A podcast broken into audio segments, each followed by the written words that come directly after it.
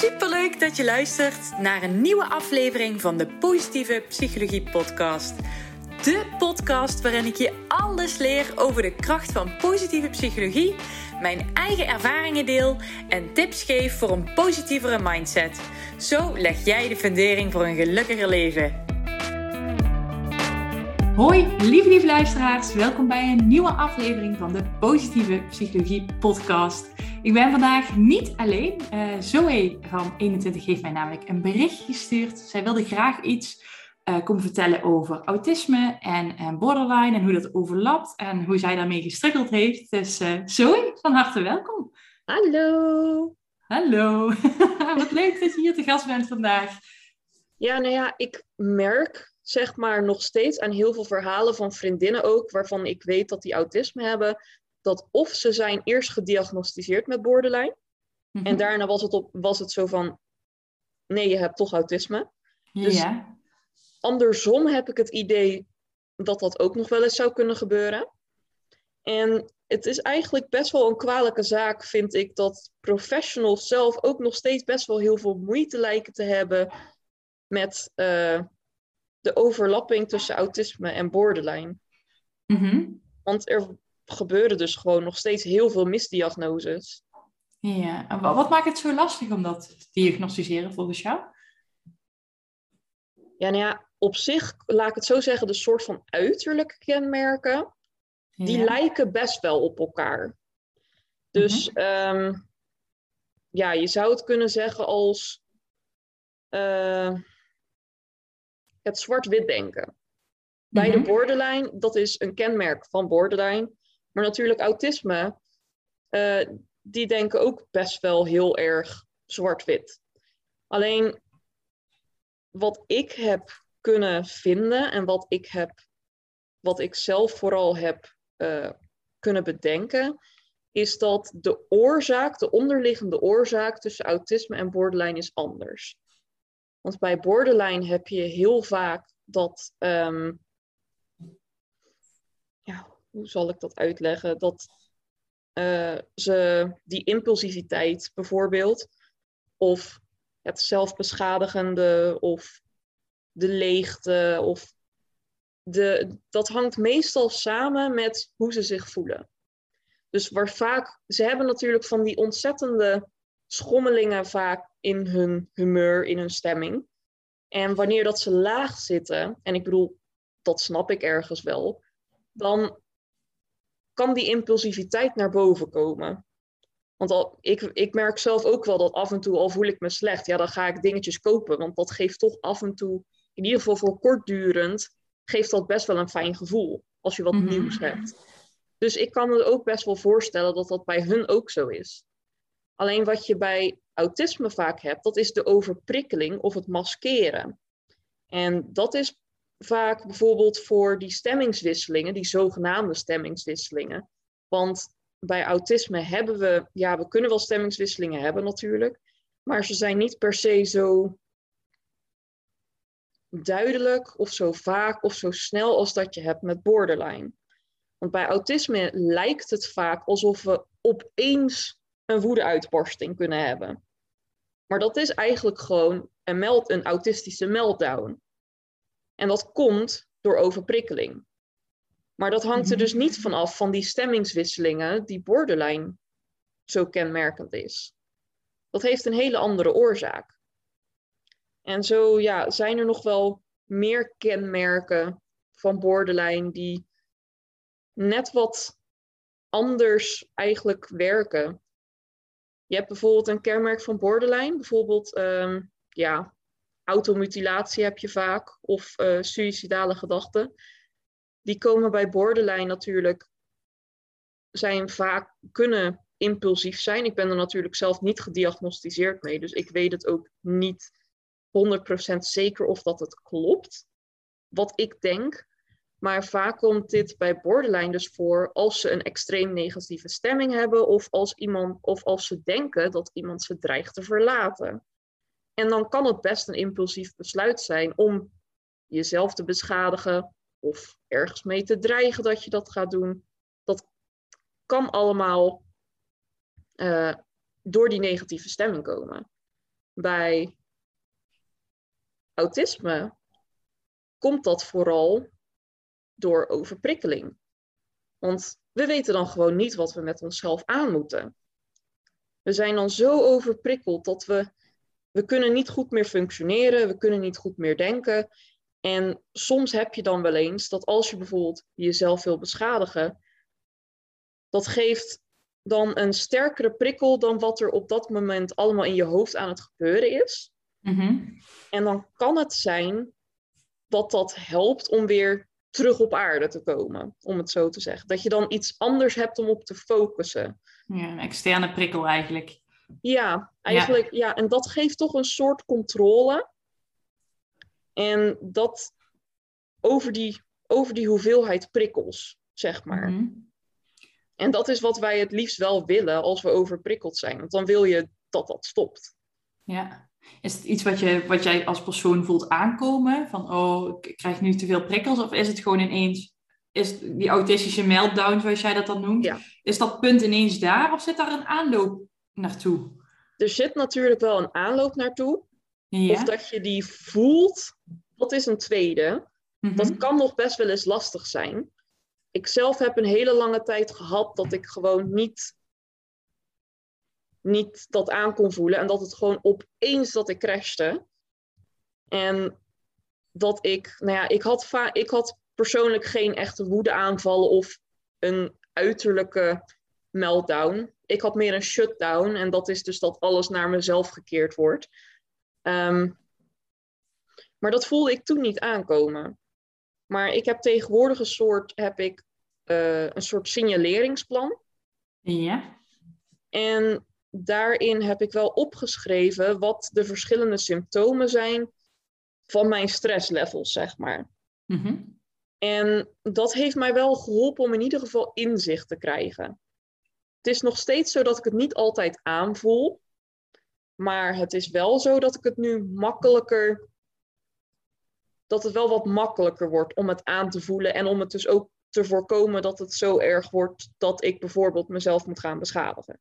Ja, zo'n signaleringsplan is vaak zo'n stoplicht. Hè? Van eh, Ja. eh, groen, eh, dat zijn bepaalde signalen als het goed gaat. Maar wanneer ga je naar geel, oranje, rood, zeg maar. En zo kun je Ja. die fases door. En aan de hand van wat, je, wat voor signalen je eigenlijk krijgt, zie je in welke fase je zit. Hey, ehm, je zegt net een shutdown. Wat, wat, wat, wat merken anderen... Ik weet niet zoveel over autisme, dus ik ga gewoon van alles vragen uit nieuwsgierigheid. Wat Helemaal merken anderen aan jou als jij zo'n shutdown krijgt? Eh, nou ja, wat, wat mij heel vaak verteld is, in ieder geval, is dat er, het lijkt alsof er opeens een soort muurtje om me heen komt. Mhm. En dan opeens, dat, he- dat heb ik laatst nog gehad. Dan was ik een beetje aan, ik was met iemand aan het praten, ik was een beetje aan het huilen en opeens gaat dat muurtje omhoog en begin ik te lachen en is alles weer goed. Oké. Dus in dat opzicht snap ik wel dat je zou kunnen zeggen dat mensen met autisme inderdaad ook een beetje borderline-achtige stemmingswisselingen hebben, want dat was ook heel snel en niet normaal. Maar nogmaals, oorzaak is anders. Mhm. Ehm, maar wat ik dan dus heb is, ik sluit het af. Dus eigenlijk sluit ik al die prikkels, voor zover dat ik dat kan, duw ik weg achter een muurtje en dan zijn ze er ook niet meer. En uiteindelijk komt dat later nog wel weer naar buiten, in Mhm. bijvoorbeeld een echte meltdown. Maar op zo'n moment duw ik het weg. En vaak is dat wanneer er anderen bij zijn. En het kan zijn dat ik dan in ieder geval minder praat. Of dat ik toch, ja, dat ik net wat anders lijk dan dat ik normaal ben. Je zal er niet heel veel van merken. Want ik ben normaal gesproken, je zou het nu niet zeggen met hoeveel dat ik praat. Maar normaal gesproken ben ik best wel, kan ik best wel gereserveerd zijn. Best wel timide, best wel stil. Mhm. En dus je zal het niet merken als ik nog stiller word. Maar vaak duik ik wat meer een hoekje in om het overzicht te behouden. Mhm. En om voor mezelf zoveel mogelijk controle te creëren over die prikkels. Want op dat moment komt er zoveel binnen dat je gewoon geen idee hebt wat je ermee aan moet. En dan komt dus inderdaad dat muurtje omhoog. En dan als controle of ja, defense mechanisme, zeg maar. En dan trek ik mezelf terug in mezelf eigenlijk. En jij als buitenstaander zou alleen dat muurtje werken. Dus je zal alleen merken dat ik opeens anders ben. Mhm. Maar je zou niet precies weten waardoor dat dat is. Oké. Hey, je zegt, ik stop, ik stop al die prikkels stop ik achter dat muurtje. En wat, wat gebeurt op het moment dat je je veilig voelt en dat muurtje laat zakken en, en al die prikkels weer vrijkomen? Wat gebeurt er dan met jou? Ja. Soms, op, soms heb ik het wel eens dat ik op zo'n punt te erg dissocieer dat ik eigenlijk bijna niet meer herinner hoe dat het nou Mhm. precies is gegaan. Maar meestal komt er dan een verschrikkelijke huilbui. En dat kan dan echt wel een paar uur aanhouden. Mhm. Ehm, ik kan dan ook echt verschrikkelijk zagrijnig worden. Verschrikkelijk... Ik kan dan ook echt wel heel boos worden. En best wel gemeen ook. Als je dan te dicht bij me in de buurt komt of dan nog te veel van me wil vragen. Want soms zelfs de vraag, wat kan ik voor je doen? Het is natuurlijk een hele normale vraag en ik snap dat je dat vraagt. Maar soms op zo'n punt is dat al te veel. Ja, dan kan je best met al je emoties eigenlijk in één Ja. keer. Ja. Ja, en dan, dan kan je van mij echt een keer een snauw krijgen. En dat bedoel ik dan echt niet persoonlijk. Maar ik weet dan gewoon niet hoe dat ik moet reageren. En dan reageer je soort van uit instinct. Als een soort reflex in, reageer je dan. En dat is niet, dat is niet gecontroleerd. Dus ik, weet, ik kan dan ook niet goed controleren hoe dat ik dan op jou reageer. Ik kan dan ook niet zeggen, joh, hè, het spijt me, laat me eventjes met rust, laat me eventjes bedaren. Dat, dat kan ik dan niet. Nee. Zo kalm zijn. Dus dan Nee, je zit zo in je emotie dat je eigenlijk niet meer bij je, bij je ratio kan, hè? Dus Ja. eh, ja. Je Ja. bent dan gewoon niet echt rationeel meer. Is, ja, Ja. Hey, en ehm, jij hebt mij natuurlijk benaderd voor, voor dit onderwerp met, met, met, met borderline en autisme. Waarom is dit onderwerp voor jou zo belangrijk om bespreekbaar te maken? Hè? Dus ik hoor je zeggen, er zit een hoop overlap tussen. Ehm, waarom moet de wereld hierover meer van weten? nou ja, die misdiagnoses is natuurlijk Ja. wel één ding. Ja, dat zei je inderdaad. Want als ook professionals een misdiagnose doen, kijk, dat kan natuurlijk altijd gebeuren. En met de hoeveel, met de uiterlijke overlap, dat is natuurlijk het enige wat bijvoorbeeld psychologen zien, het uiterlijke. Mhm. Dus dan snap ik ook wel dat ze je af en toe, hè, dat je die misdiagnose maakt. Maar het is belangrijk om dus tot die oorzaak te komen. Want daar ligt het verschil. En de, de behandelingen, om het zo te zeggen, van autisme en borderline zijn heel anders. Mhm, Ja. Dus als jij een misdiagnose hebt en je zit bijvoorbeeld, dat is een verhaal van een vriendin van mij, die zat dan in een, soort groepstherapie voor mensen met borderline. En ze was zo van, ik voelde me zo'n buitenbeentje. Want alles wat ze hier zeiden, daar herkende ik me gewoon niet in. Alles wat ze hier bedoelde qua behandeling, dat hielp niet. En dat was dus omdat zij eigenlijk gewoon autisme had. ja. En hoe Dus- zijn ze daar dan uiteindelijk achter gekomen? Eh, bij haar weet ik dat eigenlijk niet. Maar ik weet wel dat ik persoonlijk heb heel lang gedacht dat ik borderline had. Mhm. Of in ieder geval, dat heb ik best wel obsessief gedacht. Nou ja, dat obsessieve is misschien ook wel eigenlijk een beetje autisme. Want Mhm. het werd dus zo'n soort special interest, was borderline, dat ik dat had. Dus dat was een hele rare overlap. Maar ehm, En dat was voordat dit hele proces is, is, heeft plaatsgevonden voordat jij gediagnosticeerd werd met autisme. Klopt dat? nee, dat was eigenlijk al toen ik autisme, toen ik wist dat ik autisme had. Ja. Alleen wat bij mij het punt was, ik had nooit gedacht dat autisme zo'n ontzettende impact op mijn leven kon hebben, dat het zo ernstig zou zijn, dat het de problemen gaf die ik op dat moment ervaarde. Mhm. Dus ging ik op zoek naar iets wat in mijn ogen wel ernstig genoeg was om die problemen te veroorzaken. En toen kwam ik uit bij borderline. Ja. Want dat wordt toch heel vaak als ernstig als een persoonlijkheidsstoornis, weet je wel. Als ernstig wordt dat vaak bedrukt. Nu Mhm. hoeft dat echt lang niet altijd zo te zijn, want er zijn natuurlijk hele goede mensen die borderline hebben, die dat redelijk onder controle hebben en dat is helemaal prima. Mhm. Maar het wordt nog steeds al best wel ernstig bedrukt. Dus ik dacht, nou, ernstig. Mijn problemen zijn ook ernstig. Dus dan, en met die overlap die het is, dacht ik, nou, dan zou dit wel eens kunnen zijn. Mhm. Dus dat was voor mij echt eventjes iets bij, ja. Uiteindelijk heb ik eh, dus een eh, behandelingstraject. Die kant Mhm. op heb ik geëist. En daaruit kwam dus inderdaad dat ik gewoon puur autisme had. En dat ik, ja, hooggevoelig was, zeg maar. Mhm. En dat die combinatie voor best wel af en toe bijvoorbeeld die stemmingswisselingen of eh, zelfbeschadiging, boosheid, dat dat allemaal, een, dat zwart-wit denken, dat dat allemaal een beetje, dat dat die borderline-achtige trekjes gaf. Die combinatie van aan de ene kant heel emotioneel zijn en aan de andere kant juist heel rationeel zijn.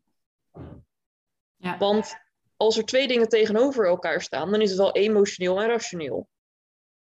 Dus eigenlijk was ik gewoon, en dat ben ik nog steeds wel, ben ik een wandelende tegenstelling met bijna alles wat ik doe, zeg en denk. Mhm.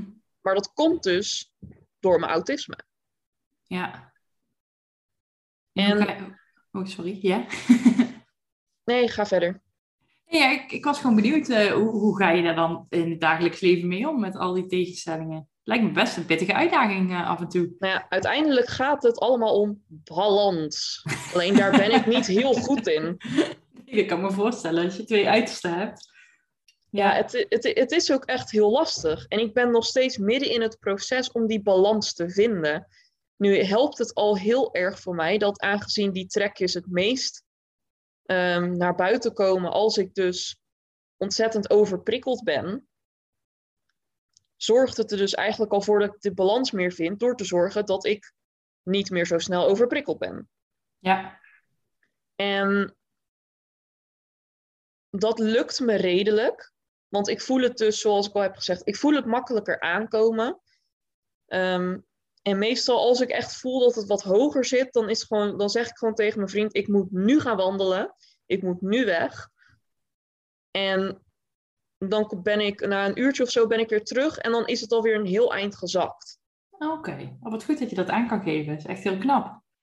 Ja, maar dat komt dus omdat ik op dat punt nog net in, ja, laten we het zo zeggen, dat oranje zit. Mhm. Waarin ik nog redelijk de controle heb over mezelf. En dus al dan misschien een klein beetje op een kort, een, ja, een beetje kortaf zeg. Maar dan kan ik het nog wel zeggen van, joh, dit heb ik nu nodig, dus dit ga ik nu doen. Mhm. Als ik, door, als ik ermee door zou lopen en dus naar het rood zou gaan, ja, dan kan ik dat niet meer. Nee, nee, dat is wat je net zei. Hè? Dan is er zelfs zo'n vraag van, eh, kan ik iets voor je doen? Dus dan, eh, dan is dat dan helemaal te veel. Dat Ja. is dan te veel, zeker. Ja. Hey, en, en hoe is het voor je vriend? Zit hij ook in het spectrum? Of, eh, of Nou ja, hoe, gaat hij ermee het- om?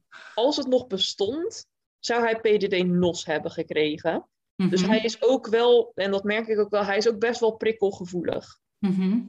Dus af en toe botst dat wel heel erg. Ja. En ook aangezien hij bijvoorbeeld, ik neem heel vaak dingen letterlijk. Ik kan ook dingen niet goed interpreteren vaak. Of dat iets sarcasme is of niet. Ehm, hoe iemand iets bedoelt. Mhm. Zal ik maar zeggen, bedoelen ze het boos? Bedoelen ze het gewoon neutraal? Want daar heb ik heel veel moeite mee. Boosheid en neutraliteit. Want Ja. voor mij klinkt, en dat komt ook wel een beetje door mijn verleden, zeg maar, klinkt alles al heel snel als irritatie of boosheid. Mhm. En daar kan ik niet heel goed mee omgaan.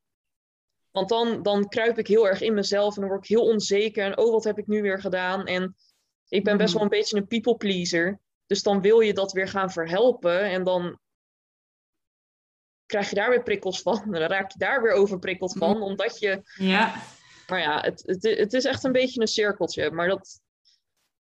maar mijn vriend die is dus ook heel erg prikkelgevoelig. En wat hij zegt en wat ik zeg, dat botst af en toe gewoon heel erg. En dat kan op verschillende vlakten zijn.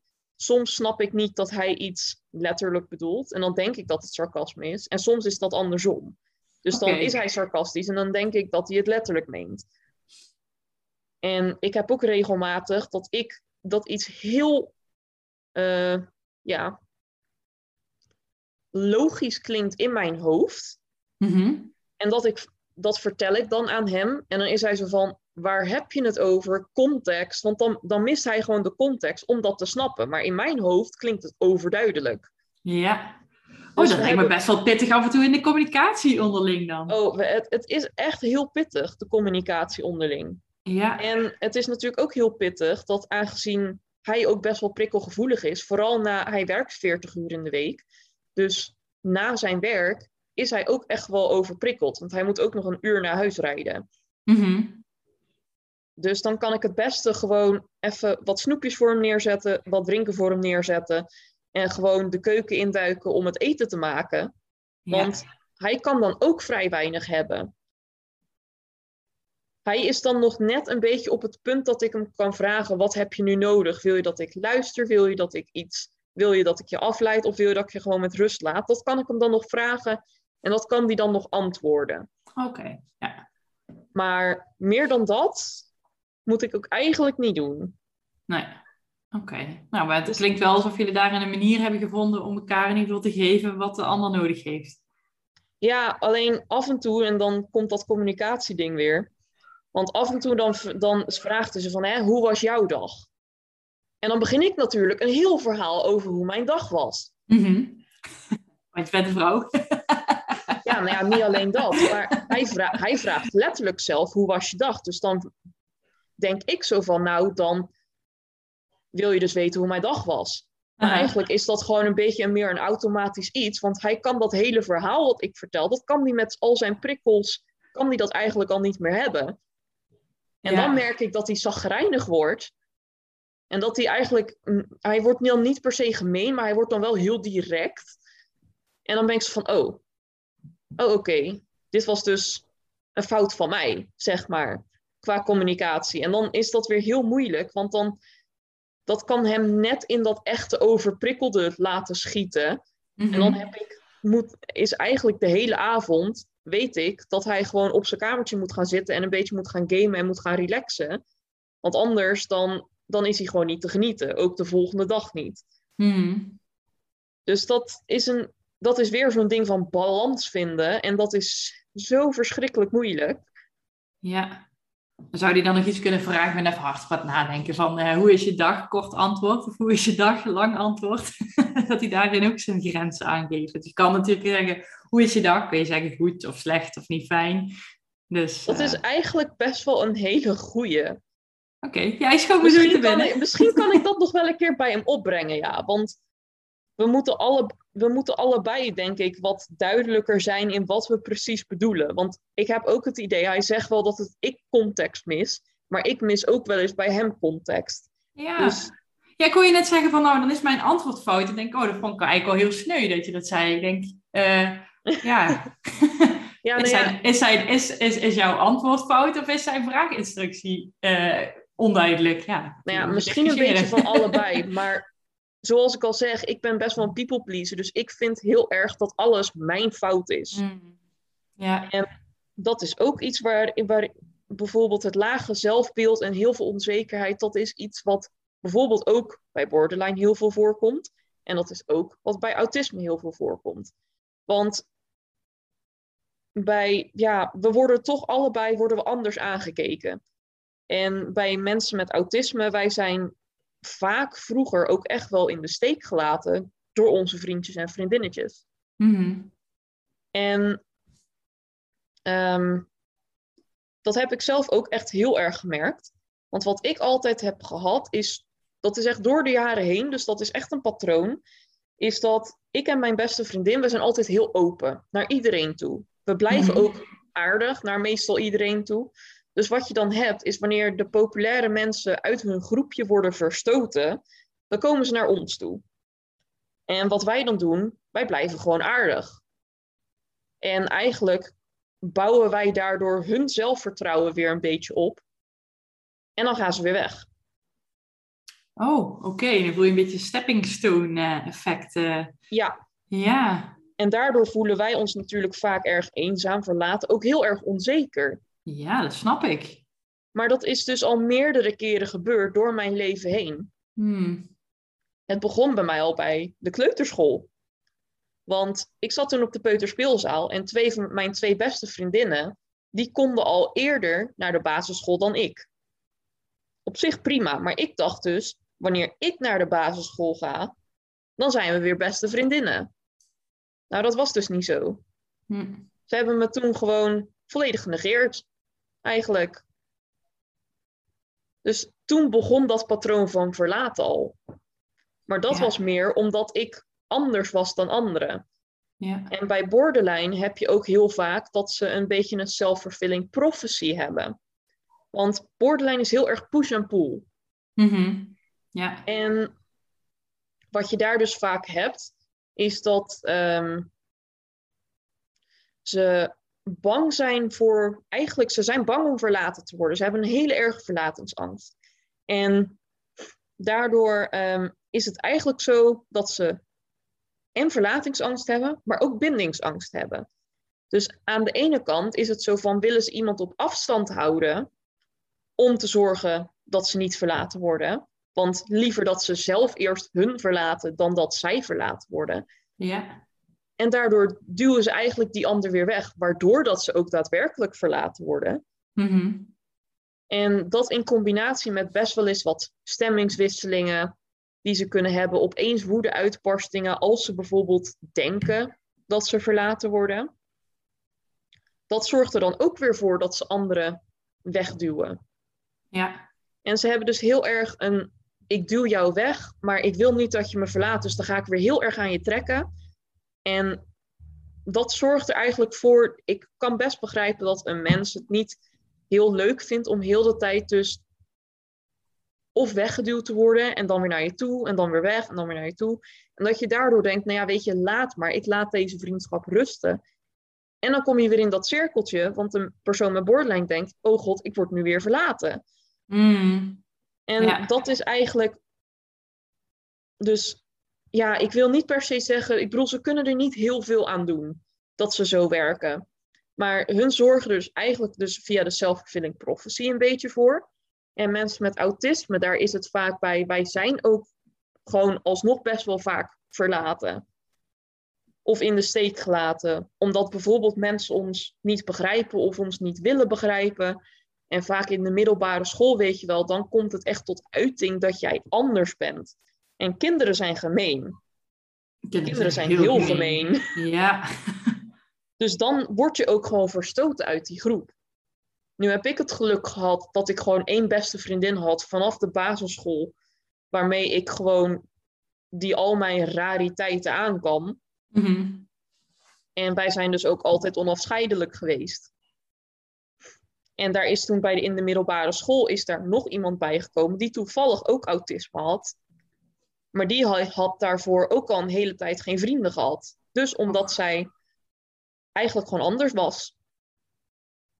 En ik geef eerlijk toe met die, met mijn ah ja, eigenlijk ook beste vriendin met autisme, heb ik, ben ik, heb ik echt wel in het begin heel erg gebotst.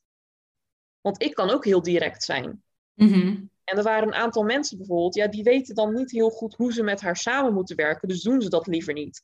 Nee. Maar ik zeg dan gewoon, dit, dit en dit is waardoor ze niet met jou willen samenwerken. Dat is natuurlijk ook best gemeen om te zeggen. Vooral als je het heel direct zegt. Mhm. En ik heb toen gezegd, joh, je mag met ons samenwerken, maar hier, hier en hier, let daarop. En anders dan geef ik het wel aan als je te ver gaat. En sinds dat moment is, dit, is zij eigenlijk een beetje bij, in ons groepje gekomen op zo'n hele rare manier dus. En we botsen nog steeds best wel regelmatig, maar we kunnen het toch ook heel goed met elkaar vinden. Dus het is niet haat-liefde, niet push en pull zoals bij bijvoorbeeld borderline. Maar het is ook niet zo dat ik zeg, joh, dit is je typische vriendschap. Nee, maar goed, het is dus wel van we waarderen de vriendschap, hè, maar we liggen ook wel eens met elkaar aan de clinch. Maar ondanks dat waarderen we de vriendschap meer dan de keren dat we botsen. Ja, dat is, dat is zeker zo. Ja, ja. En we hebben een beetje een mediator, namelijk mijn eerste beste vriendin, zeg maar. Dus die, die, die zit een beetje af en toe tussen ons in. En dan is ze van, oh ja, maar dit valt wel mee. Oh ja, maar dat valt wel mee. Oké, en dus dat, is precies wat jullie dan allebei nodig hebben op dat moment. Ja, met z'n drieën werkt dat dus eigenlijk heel mooi. Oké, ja. Maar ik weet dus dat heel veel mensen met autisme dat niet hebben. Hmm. En die staan er eigenlijk best wel alleen voor. Ja, en is dat ook de reden dat jij jouw blog bent uh, begonnen? Om die wat mensen misschien wat minder alleen te laten voelen? Hoe is dat tot, tot stand gekomen? Nou ja, een van mijn special interests is eigenlijk schrijven. Dat Mhm. komt door mijn hele leven heen, komt dat af en toe al naar voren en dan valt het weer een beetje weg en dan komt het weer naar voren. En dit keer kwam het dus weer naar voren. En ik dacht, weet je, ik ga gewoon schrijven over wat ik weet. Ja, En dat is autisme. En als ik in die tijd ook nog eens mensen ermee kan helpen, mensen kan informeren, want de meeste ehm, artikelen die ik schrijf, die zijn informerend. En bijvoorbeeld over vermoeidheid bij autisme, over eetproblemen bij autisme en wat de oorzaken daarvan zijn. En daarmee ga ik ook de wetenschappelijke literatuur in, zodat ik zeker weet dat wat ik schrijf, dat het ook daadwerkelijk waar is. Mhm. ja dus, Dus ik schrijf zelf niet- onderzoek naar. Ja, Ja, ik schrijf dus niet alleen vanuit mijn eigen ervaring, maar ook aangezien ik zelf een universitaire opleiding heb, dacht ik, nou dan gebruik ik dat om dus ook de wetenschap in te duiken. ja, Dus ik doe gewoon wat ik leuk vind en tegelijkertijd probeer, help ik mensen, help ik mensen om beter hun autisme te begrijpen en daardoor er makkelijker mee om te kunnen gaan. En laat, ja, die herkenning, dat zorgt er inderdaad ook wel voor dat je je weer wat minder alleen voelt. ja, Dus uiteindelijk bouw je gewoon een beetje een community op van mensen die jouw site bezoeken en die denken: Goh, dit, dit is dus voor mij met autisme is dit dus toch normaal. Mhm. En weet je, al kan ik maar één persoon ermee helpen, dan is eigenlijk mijn doel al bereikt. ja. Hey, wat, mo- wat mooi dat je dat doet. Dat vind ik, eh, ja. Ja, ik vind het zelf eh, niet eens per se zo bijzonder, eigenlijk. Ja, maar Ik- dat is het is wel, gewoon- denk ik. Ja, nou ja, bedankt. Een complimentje. Ja, ik weet, ik weet nooit zo goed wat ik met complimenten aan moet. Want ik vraag me altijd af, is het gemeend of niet?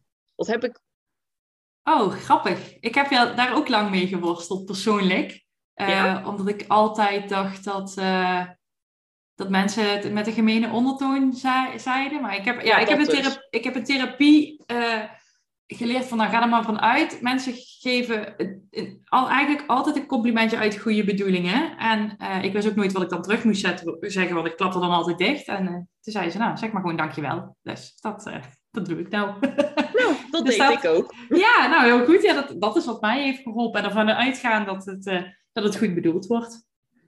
Ja, Ja, alleen toch, hè, dat is bijvoorbeeld waarvan ik al zei, ik heb door mijn verleden moeite met het interpreteren van neutraliteit Mhm. of goed iets, omdat alles eigenlijk een gemene ondertoon bij mij heeft. ja, Of lijkt te hebben, is het vooral. ja. Want ik weet ergens ook wel dat dat niet zo is, Mhm. maar je voelt toch alsof het wel zo is. ja. Ja, ik heb met het complimentenstuk heb ik echt, echt jarenlang moeten oefenen om dat los te laten. Mm, Eh, dus ik, ik ja, kan wel snappen dat dat iets is wat heel lastig is. Wat je niet gewoon overnacht, eh, wat je overnacht afleert als dat zo in je zit. ja, klopt. Ja. Hey, ehm, als afsluiter, hè, heb, jij, heb jij een tip voor als nu iemand luistert die, eh, die ook autisme heeft? zou, zou je daar nog een tip aan mee kunnen geven? Oeh. Ja, hele brede vraag. Mag ik gerust even over nadenken? Ehm, hmm. Ik denk toch wel dat het is, blijf bij jezelf. Mhm. Want je kan je heel onzeker voelen over jezelf omdat je anders bent. Maar weet je, wat is normaal? Want eigenlijk is niemand normaal. En dat betekent dat niet normaal zijn eigenlijk normaal is. Dus je bent wel normaal, alleen dan op je eigen manier. En ik denk toch wel dat al, je moet echt wel zo dicht mogelijk bij jezelf blijven. Want anders dan verlies je jezelf. Om het maar zo te zeggen. Dat masker, wat wij met autisme heel vaak op hebben om normaal te lijken, dat kan er echt voor verschrikkelijke problemen zorgen. Dat heb ik zelf ondervonden. Dat zorgt zelf al heel makkelijk voor, overprik voor overprikkeling bijvoorbeeld. Of voor een burn-out. Of voor hele depressieve klachten. Of voor andere, nou ja, bijvoorbeeld borderline-achtige trekjes. En dat kan best wel heftig zijn, ook voor jou. En dat is nergens voor nodig. Want je mag er gewoon zijn. Je mag jezelf zijn. En hoe moeilijk dat dat ook is, als je jezelf bent, dan trek je vanzelf de juiste mensen naar je toe. Dat is denk ik wel wat ik ook, waar ook ik pro, ja, bij probeer te leven. En tot nu toe heeft dat voor mij gewerkt. Ik heb nu mijn vriendengroepje om me heen, waarvan ik weet, die waarderen mij zoals ik ben. En weet je, al zijn het er maar twee. Meer heb je eigenlijk ook niet nodig. Je hebt geen hele grote vriendengroep van 30 man nodig. Dat is nergens voor nodig. Dus blijf bij jezelf en dan komt het wel weer goed. Je ontroert me. Echt uh, mooi. Dankjewel. ik vond, uh, ja, wat je zei van uh, eigenlijk is niemand normaal, dus dat maakt ons normaal. Ja, mooi. Dankjewel. Ik, ik ben een beetje emotioneel ervan. Mooie, mooie woorden. Nu word ik emotioneel. Oh, sorry. Gaan we, gaan we samen huilen de podcast afsluiten? ja, ja, laten we dat doen. Ja, nou, sorry, ik wil je echt ontzettend bedanken voor jouw openheid, jouw eerlijkheid. Heel erg tof dat je hier te gast wilde zijn. En uh, jij heel erg bedankt voor het luisteren. En tot de volgende keer. Yes. Heel erg bedankt voor het luisteren. Mocht je deze aflevering interessant hebben gevonden, maak even een screenshot, deel het in je story en tag me op Instagram. Mijn accountnaam is Eline Verbeek underscore online coaching. Zo gun je ook anderen een positieve mindset. En ik vind het heel erg leuk om te zien wie er allemaal geluisterd hebben. Tot de volgende keer!